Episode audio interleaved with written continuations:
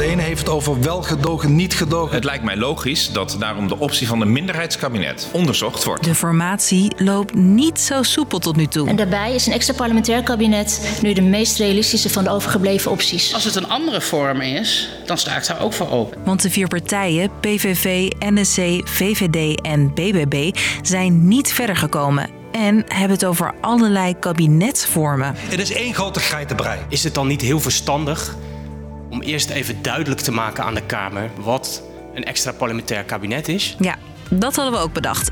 Daarom spelen we vandaag Kabinetskwartet.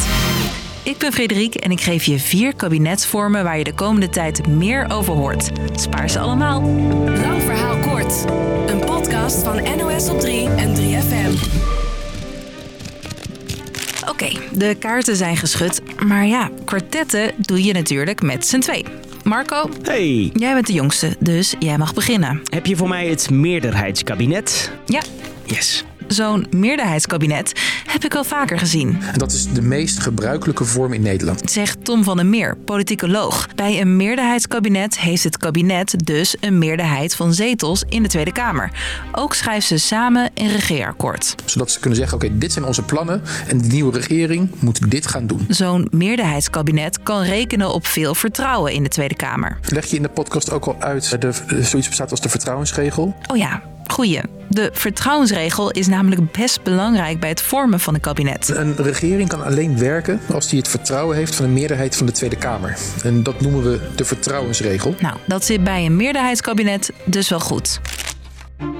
Oké Marco, je mag nog eens. Heb je voor mij het minderheidskabinet? Ja, alsjeblieft. Yes. Dat minderheidskabinet kennen we nog uit 2010. Ik ben ontzettend blij dat het kabinet Rutte-Verhagen er staat ook vanwege onze steun. Toen was er een minderheidskabinet van VVD en CDA. Dus dan krijg je een regering met ministers en staatssecretarissen die uit die minderheid van de Tweede Kamer komen, maar wel vertrouwd worden door een meerderheid van die Tweede Kamer. De PVV gaf toen gedoogsteun. Dan worden er een paar vaste afspraken gemaakt met één van de partijen, of soms meerdere, die zelf niet in de regering zitten. Het is dus al bijna 15 jaar geleden dat er zo'n minderheidskabinet met gedoogsteun was.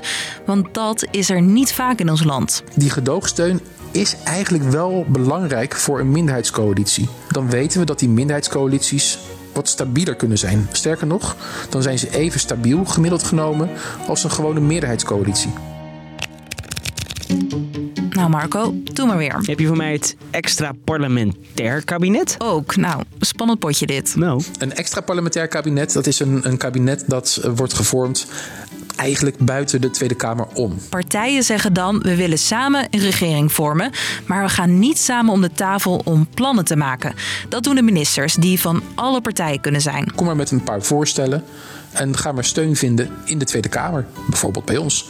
Dus een extra parlementair kabinet staat wat verder van de Tweede Kamer af. Dit is zeldzaam in ons land. Ja, dan moet je toch wel een end terug. In de jaren 70 was een deel van het kabinet extra parlementair. Marten van Rooyen was toen staatssecretaris. Volgens hem zorgt het ervoor dat de Tweede Kamer meer te zeggen heeft dan wanneer partijen samen een meerderheidskabinet vormen. Dan wordt het geregeerd op een democratische manier.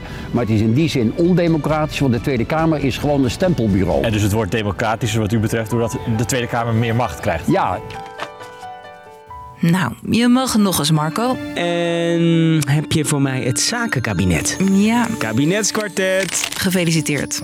Een zakenkabinet dat zou bestaan uit mensen die niet politiek zijn, maar ervaring hebben in het zakenleven of expert zijn eh, zonder partijpolitieke binding, dat die een regering gaan vormen eh, en dan op een hele apolitieke manier de problemen van het land kunnen oplossen. Maar, zegt politicoloog Tom van der Meer, het is een moeilijke vorm. Want of jij het OV gratis wil maken, of studiekosten wil verhogen, harder wil rijden op de snelweg, meer zonnepanelen wil plaatsen. En dat zijn hele politieke afwegingen. Dat, dat is niet alleen maar een keus maken van ja, dit is objectief het beste besluit. Nee, dat is politiek. Ondanks al die haken en ogen denkt politiek verslaggever Wilco Boom dat de kans groot is dat het dit keer wat anders wordt dan een meerderheidskabinet.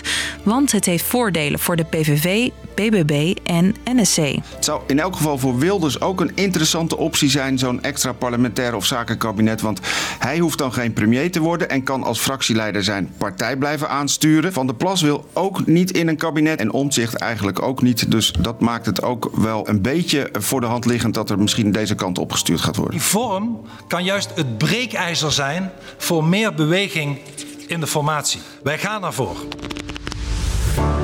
Dus, lang verhaal kort. Vertrouwen is belangrijk voor een meerderheids- of minderheidskabinet om plannen te kunnen maken. Bij een extra parlementair kabinet maken de ministers die plannen dus. En bij een zakenkabinet maken de mensen die geen politicus zijn die plannen. Wat de vorm wordt, dat is weer afwachten. Wij formeren elke doordeweekse dag weer een nieuwe aflevering. Dus stem af op ons, dan mis je niets. Doei!